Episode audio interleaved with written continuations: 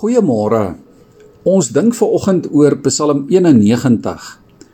In die Nuwe Testament in Matteus 4 vers 5 tot 7 en ook Lukas 4 vers 9 tot 12 word Psalm 91 vers 11 en 12 aangehaal. Ons lees daar in die Nuwe Testament van die duiwel en Jesus saam op die hoë dak van die tempel in Jerusalem. Die duiwel por Jesus aan om van die tempeldak af te spring. Natuurlik wil hy Jesus versoek met 'n vertoon godsdiens. Hy wil Jesus as mens belaglik maak. Hy weet dat as Jesus waarlik mens is, sal hy homself doodval as hy daar sou afspring. As u die seun van God is, sê die duiwel, werp u self af, want daar is geskrywe: Hy sal sy engele bevel gee aangaande u en hulle sal u op die hande dra sodat u nie miskien u voet teen 'n klip stamp nie. Die duiwel ken die Bybel. Hy misbruik hierdie woorde oor die bewaring van God. Hy wil Jesus met die woord probeer manipuleer. Hy is besig met 'n duiwelse taktiek en 'n duiwelse teologie oor die beskerming van God. En dan antwoord Jesus hom uit Deuteronomium 6 vers 16. Jesus wat die Bybel so goed ken, Daar is ook geskrywe, sê Jesus, jy mag die Here jou God nie versoek nie. Ja, liewe vriende, die duiwel ken die Bybel. Hy lees byvoorbeeld onder andere van die skuilplek van die Allerhoogste. Die duiwel lees van die redding uit die voëlvanger se wip. Hy lees van God se vleuels oor jou, van sy skild en sy panser. Die duiwel lees van die bewaring van siekte-epidemies, die beskerming teen natuurelemente en van pile wat jou nie sal tref nie. Die duiwel lees dit en hy weet dit alles, maar hy verstaan dit glad nie, omdat hy God nie verstaan nie en God se teenwoordigheid glad nie ken nie. Wat sê Psalm 91 presies en hoe moet ons dit verstaan?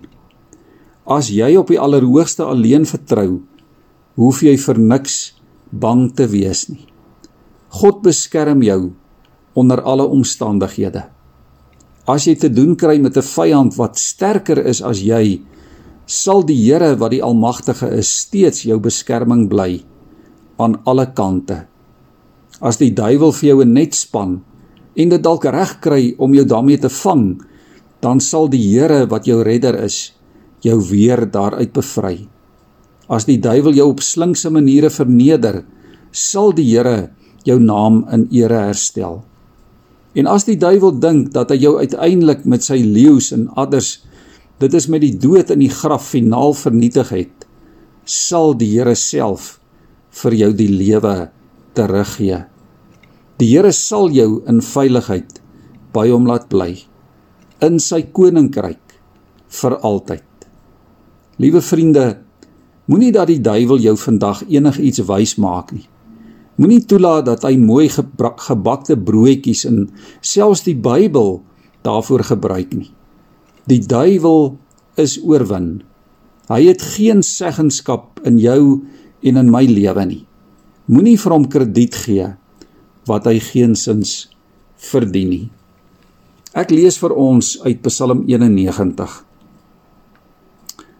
Hy wat in die beskutting van die Allerhoogste woon, hy wat in die skaduwee van die Almagtige oornag.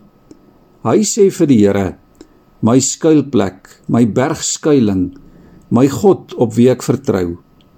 Ja, hy is die een wat jou red uit die net van die voëlvanger, van dodelike pessiekte. Met sy slagvere sal hy jou bedek. Onder sy vlerke sal jy skuilings vind. 'n skild en 'n skans is sy trou. Jy sal nie bang wees vir die verskrikking van die nag, vir 'n pyl wat oordag vlieg nie, vir 'n pessiekte wat in die donker rondloop, vir 'n epidemie wat helder oordag verwoes nie. Daar kan 1000 val aan jou linkerkant en 10000 aan jou regterkant. Naby jou sal dit nie kom nie. Jy sal maar net toe kyk Die vergelding van goddelose mense sal jy sien. Ja, U Here is my skuilplek. Die Allerhoogste het jy jou woning gemaak. Onheil sal jou nie tref nie en 'n plaag sal nie in jou tent kom nie, want hy sal sy engele opdrag gee om jou te beskerm op al jou paaie. Op handpalms sal hulle jou dra sodat jou voet nie oor 'n klip struikel nie.